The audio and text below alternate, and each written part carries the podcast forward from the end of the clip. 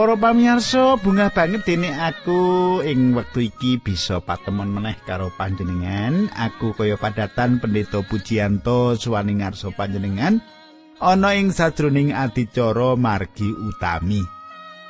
Adicara margi utami. Nah, Kadangku pangajapku muga panjenengan tansah kinantenaning Gusti, tansah luber rahayu tinebihno ing sambe kala apa-apa. Nah kadangku kang dak tresnani, tak suwun panjenengan wis nyawisake kitab suci panjenengan. Wis nyawisake kitab suci panjenengan lan panjenengan wis nyawisake wektu kandhe mengkono nalika aku bakal nggelarake pangandikan Gusti marang panjenengan. Panjenengan ora wira-wiri rono rene mengkono ya. Nah, kadangku sugeng midhangetake ati cara iki.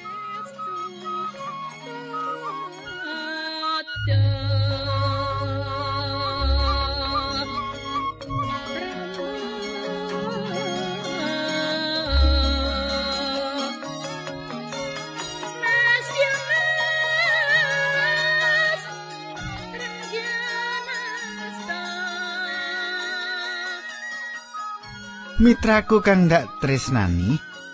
Sadurunge tak teruske aku ngaturake salam dhisik ya. Salam marang Bapak Paulus. Bapak Paulus menika nyerat ngeten. Kula nyuwun siaran basa Jawi saged dipun dawakaken wektale menawi saged ngginakaken selingan gending-gending Jawa ngantos rampung makaten. Nggih. Pak Paulus nyuwun pangapunten babakan menika mboten saged. Awit menapa awit wektale wis diatur saking radio kita menika. Anggo rak sing siaran-siaran liyane rak susah nggih, ora entuk wektu. Nggih. Nah, kadangku Saiki kita bakal mlebu ing pasinaon kita.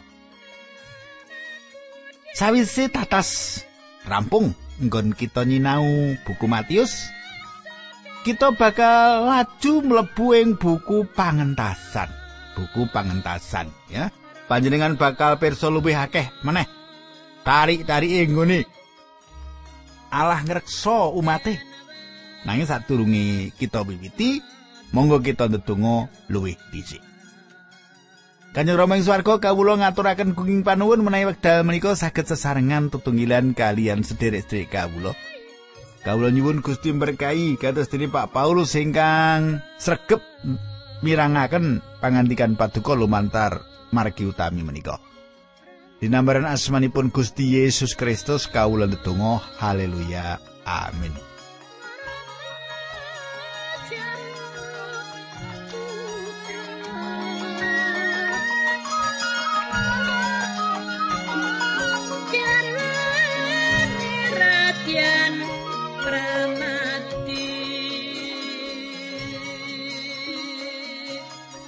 Sumitraku Buku pangentasan iki nerusake isine buku Purwaning Dumadi. Senajan ana kedadian sing bedane nganti 350 taunan. Ing Purwaning Dumadi bab 15 ayat 13 kacatet tedak turune Bapa Abraham bakal manggon ana ing Mesir nganti 400 taun lawase. Ing pangentasan rolas ayat patang puluh ngandhake mratelake patang atus telung puluh taun sawise Abraham ditimbali dening Allah. Lan patang atus taun sawise Gusti ngendika marang Bapa Abraham. Pangentasan isine diceritakake maneh ing layang Ibrani 11 ayat 13 nganti 29. Ibrani 11 ayat 13 nganti songo likur. Sing sini, Ibrani 11 ayat 13, Merga saka pracaya Rama lan ibune Nabi Musa ndelikake putrane nganti umur telung sasi. Rama lan ibune pirsa yen bayi mau rupane bagus lan wong-wong mau padha ora wedi nglawan dawe Sang Prabu. Ayat 24 Marga saka percaya Nabi Musa sawise diwasa ora kersa disebut putrane Sang Prengon. Ayat selawi. Panjenengani pilih nandang sengsara bareng karo umate Allah ketimbang ngrasakake kanikmatan sing ora suwe saka wing dosa. Ayat 16. Nabi Musa nganggep yen karemehake dening wong merga saka Sang Kristus kuwi luwih pengaji ketimbang karo sakaing kasugiyani negara Mesir. awit sing dianti-anti mau kanugrahan sing bakal kaparingake dening Gusti Allah. Kadangku jalaran saka iman kapercayan Musa ninggalake tanah Mesir kanthi ora ngitungake yen dinesoni dening Raja Fir'aun. Musa puguh orang gingsir kaya dene paningale marang bab sing ora kasat mripat. uga kanthi iman Musa nganakake upacara Paskah lan pangusire getih ing lawange wong Israel istingarah panggebluk sing ditibake kabeh ana mbarep ora kedadian ing keluargane wong Israel jelaran apa jelaran iman Musa mbrek wong-wong Israel nyabrang segara abang sing nalika semono kaya ngliwati palman garing wae Mongko bareng wong-wong Mesir padha nguber saka mburine ngoyak saka mburine padha ketrajang ombak lan kerem ora kepupu. Ora kapitulungan. Sumitraku ana tembung loro. Ana tembung loro minangka tembung pambuka ing buku pangentasan. Apa kuwi ya? Yaiku tembung sing tegese karo. Tembung sing tegese karo utawa lan luwih pas tinimbang tembung saiki. Tembung karo utawa lan luwih pas tinimbang tembung saiki. Isine buku pangentasan iki bobote padha karo perwaling dumadi patang puluh ayat pitulikur kang ngandhake yen ana pitung puluh wong keluargane Yakub teka ing tanah Mesir. Nanging nalika ninggalake Mesir wong Israel anak turune Yakub cacahe wis rong yuta satu sewu. Wong. Pancen ora bisa ditemtokake kapan mlebu ning tanah Mesir. Manut panemu ing jamane Firaun Hyksos. Rajane para juragan raja kaya ing kalangane bangsa Smith. Wong-wong iki nduweni sesambungan sing cukup apik karo Bapak Abraham, Bapak Iskak lan Bapak Yakub. Hiksos sakwadya balan iki ora seneng marang wong Mesir, mula banjur ana sesambungan pamitran karo wong Israel. Nanging wusanane Hiksos iki bisa diusir dening suku asli bangsa Mesir. Ya saka Firaun sing kuwasa nang Mesir iki nuli nindes wong-wong Israel lan bangsa liyane sing padha ndunung ing negara Mesir. Apa maneh wong-wong iki ora ngerti perjuangane Yusuf nalika negara Mesir ngadepi pailan gedhe. Kadangku, Nabi Musa sing nulisake buku Pentateuk yaiku buku 5 wiwitane kitab suci Perjanjian Lawas Purwaning dumadi pangentasan kaimaman pangandaring toret lan wilangan. Buku pangentasan bagi gesange Musa dadi telung bagian utawa ngedum gesange Musa dadi telung perangan.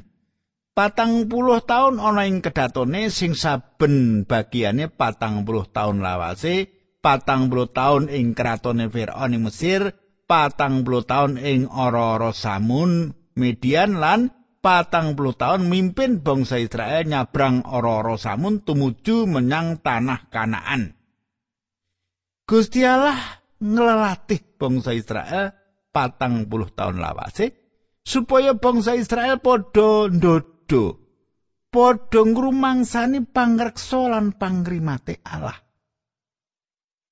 Nabi Musa disiapake ana ing Mesir dening Allah kanggo ngluwarake bangsane saka cengkeremane wong-wong Mesir. Sawise Musa dadi mantune Citro ing Midian, Musa dikirim bali meneh dening Allah ketemu karo Firaun ing Mesir.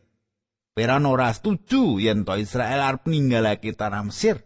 Panulake Firaun banjur kedadian anane tetandingan antarane panguasane Allah nglawan dewa dewane wong Mesir.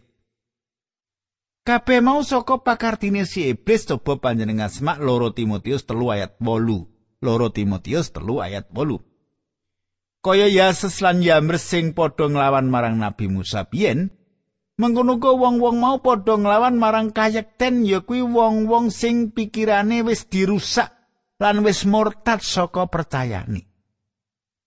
Peron takon marang Nabi Musa. Pangentasan 5 ayat loro. Sang pringon dangu. Pangeran Allahmu kuwi sapa? Apa sebabe aku kudu ngrungokake Allahmu lan nglilani bangsa Israel lunga? Aku ora tepung karo Allahmu kuwi, sarta Israel ora ndak lilani lunga. Kadangku Gusti Allah kepareng nepangake asmane secara pribadi marang wong-wong Israel. Dene wong Mesir uripe nyembah brahala sing wujud dewa-dewa Mesir. Pangentasan songo ayat pitulikur, Raja Mesir banjur nimbali Musa lan Harun dawi. Sepisan iki aku ngaku kedusan marang Allah, Allah sing bener dene aku lan rakyatku sing salah. Kadangku, sabanjuri aturi Fir'aun marang Musa lan Harun, pangentasan 10 ayat 16. Sang Prabu banjur inggal-inggal nimbali Musa lan Harun sarta dawuh aku wis gawe dosa marang Allahmu sarta marang kowe kabeh. Katangku, Firaun wis tepang karo Allah ya Allah Harun, Musa lan Allah Israel ya kuwi sing sejatine Allah. Sumitraku, kenapa kudu nganggo pagebluk? Pagebluk iki minangka paprangan antarane panguasane Allah lan dewa dewane Mesir. Saben panggebluk sing kelakon ditujokake siji, mboko siji dewane bangsa Mesir. Pangentasan rolas saya rolas. Ing bengi kuwi aku bakal tindak ndelajahi tanah Mesir lan mateni saben anak lanang barep. Yo anake manungsa, yo anake kewan, aku bakal ngukum sarupaning dewa-dewa ing tanah Mesir. Aku iki Allah. Kadangku Gusti Allah kepareng nedahaken panguwasa lan kekuatane marang kagungane. yen panjenengane luwih agung, luwih kuwasa lan luwih prakosa sing ora ana tandinge ing jagat raya iki. Lan panjenengane kagungan kuwasa kanggo ngluwari bangsa Israel saka Mesir. Saiki panjenengan buka pangentasan siji-siji. Para putrane Yakub sing padha melu budal menyang tanah Mesir bebarengan karo para brayate yaiku tak waosake pangentasan siji ayat loro nganti ayat 6. Tak beleni saka ayat siji. Para putrane Yakub sing padha melu budal menyang tanah Mesir bebarengan karo para brayate yaiku Ruben, Simeon, Lewi, Yehuda, Isakar, Sebolon, Penyamin, dan Naptali, Gad, Aser. Turune Yakub mau kabeh ana pitung puluh dene putrane lanang sing jeneng Yusuf wis ndisiki ana ing Mesir. Yusuf dhewe lan sedulur-sedulure sarta sabarane wis padha mati kabeh. Katangku, buku pangentasan iki bobot lan isine setimbang karo buku Purwaning Dumadi. Sedane Yusuf dadi panutup ing buku Purwaning Dumadi lan kabeh sedulure lan wong sak barakane sak generasi wis padha mati. Telung atus seket tahun wis kepungkur, ing buku Purwaning dumadi meratelake yen bangsa Israel wis ndrebolo bebranahan lan wis dadi sawijining bangsa manca sing ana ing negara Mesir kaya sing sinebut ing pangentasan siji ayat pitu. Coba panjenengan semak ayat pitu lan wolu. Nanging turune ya kuwi wong-wong Israel padha bebranahan dadi akeh banget nganti ngebaki tanah Mesir. Mula bareng ana raja anyar sing ora pirsa bab sejarah Yusuf wiwit nyekel pemerintahan Mesir. Ing ayat 8 disebutake ana owah-owahan gedhe Mesir. Sing mrentah Mesir Firaun anyar sing ora ngerti babar pisan labo-labete Yusuf marang negara Mesir nalika ketrajang mangsa pailah. Peron Heko sing isi ana sesambungane karo wong semit wis kapracondang, dikalahake ditelokake dening Firaun sing anyar iki. Firaun sing anyar iki babar pisan ora duweni rasa utang budi marang Yusuf lan saanake turune. Mulane ngayat 8 iku mau ora bab sing bisa dadi kawegaten kita. Wis sak mesine yen ana lembaga sing kepengin gayuh ngladosi para bocah bisa sinau saka ayat 8 iki. Ana tanggung jawab saka keturunan saka generasi menyang keturunane sak yen kita lirwa sembrono ora mulangake kitab suci marang anak-anak kita ing besuke bakal kelangan wektu anak-anak kita padha ora ngerti isine kitab suci kaya anak-anake wong Mesir padha ora ngerti sapa Yusuf iku Yusuf nindya mantri Mesir sing misuwur mongko dheweke iku wong Israel nganti jasate wae ora itu dipethak metu saka tanah Mesir. Firaun anyar, Firaun sing anyar, ratu anyar sing saiki duwe pangmasa ora duwe patrap sing apik marang umat Israel kaya ratu-ratu Firaun-Firaun sing disiki. Coba panjenengan gatekke pangentasan siji ayat 9 nganti 10 tak wacani ya. Raja mau ngendika marang rakyate bangsa Israel kuwi tumrap kita mbebayani sebab cacahe akeh banget tur wonge rusa-rusa. Ayat 10 Semongsana perang wong-wong kuwi bisa uga melu mungsuh nglawan kita. Banjur lunga saka negara kene. Kita kudu golek reka bisane wong-wong kuwi ora sangsaya tambah akeh. Firaun sing anyar beda karo Firaun sadurunge Firaun iki ora duweni patrap sing apik marang bangsa Israel. pangentasan siji ayat 11 kanggo nindes bangsa Israel wong Mesir banjur ngangkat wong-wong kereng kadadekake mandor nglurai wong Israel. Bangsa Israel dipeksa mbangun kutha Pitom lan Ramses minangka gudang kanggo nyimpen bandane sang Pirngon. Katangku para wong Israel dipeksa kanggo nyambut gawe abot kanggo mbangun kutha Pitom lan Ramses. Kutha mau diwangun kanthi boto-boto sing digawe dening bangsa Israel sing didadekake budak. Ora mbangun piramid-piramid sing pancen wis ana sadurunge mangsa iku wiwitane padha ngumpulake damen bangsa Israel sing gawe batani ing mangsa panganiaya sing ditindakake dening Firaun marang wong Israel wong Israel sangsaya bebranahan dadi akeh golek damen lan gawe boto kabeh diperintahake supaya kabeh ditindakake dening bangsa iki. Panindes lan aniaya bangsa Mesir sangsaya ndadi marang Israel. Saben dina tambah abot sanggane uripe bangsa Israel. Saiki pangentasan siji ayat rolas telulas 14 15 tak wacake panjenengan gateake ing basa pedinan. Nanging senadyan wong Israel ditindes cacahe malah saya tambah akeh lan sumebar sak negara kabeh mula wong Mesir dadi sang saya wedi banget wong Israel banjur ditindes tanpa welas. Nganti uripe sangsara banget wong-wong mau padha dipeksa gawe boto kanggo yasane bangunan-bangunan sarta dikon garap palemahane wong Mesir. Ayat 15 sang pringon dawuh marang para dukun bayi sing padha tulung marang para wong wadon Ibrani yaiku dukun Safirah lan dukun Puah.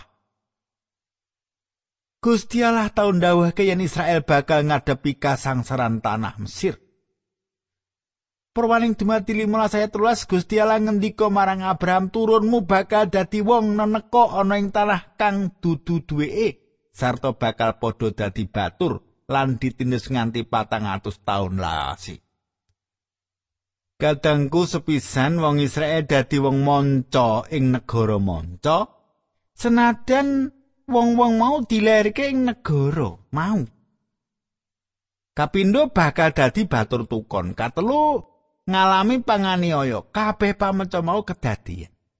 Ing bab siji pangentasan iki dipratelake Senajan dianiaya abot bangsa Israel sang saya tambah-tambah jumlahi tambah-tambah akeh cacai. Wong Mesir ora mung ndadekke bangsa Israel iku batur tukon nanging kanthi panindes sing kejem lan abot. Nanging senajan kaya ngono, berkahi Allah terus lumintu ing uripe bangsa iki. Bebranahan sangsaya akeh cacahe. Nalika Firaun ndeleng kahanan iki arep ngawekani kanthi rundingan karo para bidan bangsa Israel. Bidan mau jenenge Sifra sing tegese sulistya lan Puwa sing tegese pinter banget. Apa panjenengan wis tau nggambarake kaya apa to wong wadon Mesir iki? Rata-rata wong wadon Mesir ayu lan pinter, akeh sing dadi pegawene negara kanthi duweni bawahan. Bawahane ana sing bidan barang, sing duweni tanggung jawab nulungi para wong wadon sing lagi babaran. Saiki pangentasan siji ayat 16. Ngene. Yen kowe padha tulung wong Ibrani setitekno, yen lair lanang patenono, dene yen wadon aja kok pateni. Sumitraku iki sawijining reka daya saka iblis. Kanggo ngrusak garis keturunan sing tumuju marang rawe Sang Kristus. Iki bisa dideleng saisine kitab suci. Akeh upayane iblis kanggo mbatalake rawe Sang Kristus ing bumi. Uga akeh cara-cara kanggo ngrusak para umat pilihane Allah ing meh salumahing bumi iki. Wong-wong sing padha ora marang Allah utawa enggone percaya ora jejeg utawa anut grubyuk ora ngerti rembuk nindakake panganiaya lan siya marang umat kagungane.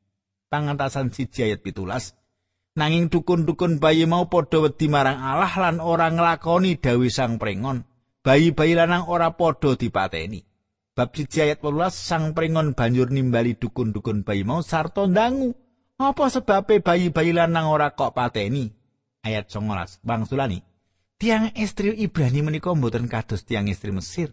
Tiang-tiangipun gampil sangat nglairaken saderengipun dukun bayi dateng bayinipun sampun lahir. Ayat 20 nganti selikur margo saka kuwi Allah berkahi marang dukun-dukun bayi mau sarta maringi turun akeh banget. Sebab wong-wong mau padha wedi marang Allah, bangsa Israel saya tambah akeh lan saya santosa. Kadangku reka daya kanggo mateni kabeh ana lanange bangsa Israel sing lair iki reka daya politik sing cabar utawa gagat. Para pematen iki kudu milih salah siji tuhu marang perintah Firaun apa-apa setya tuhu marang Allah. Kasetyane wong-wong iki dadi keparengi Allah. Sifra lan puah banget kinormatan ing tengah masyarakat Mesir lan Israel. Pangentasan siji ayat 23 sang pringon banjur dawuh marang rakyate kabeh saben ana bayine wong Ibrani lair lanang kudu dibuang ing Bengawan Nil nanging sing lair wadon aja kok pateni. Yen perintah iki wis ditindakake sedilo maneh Israel bakal cures.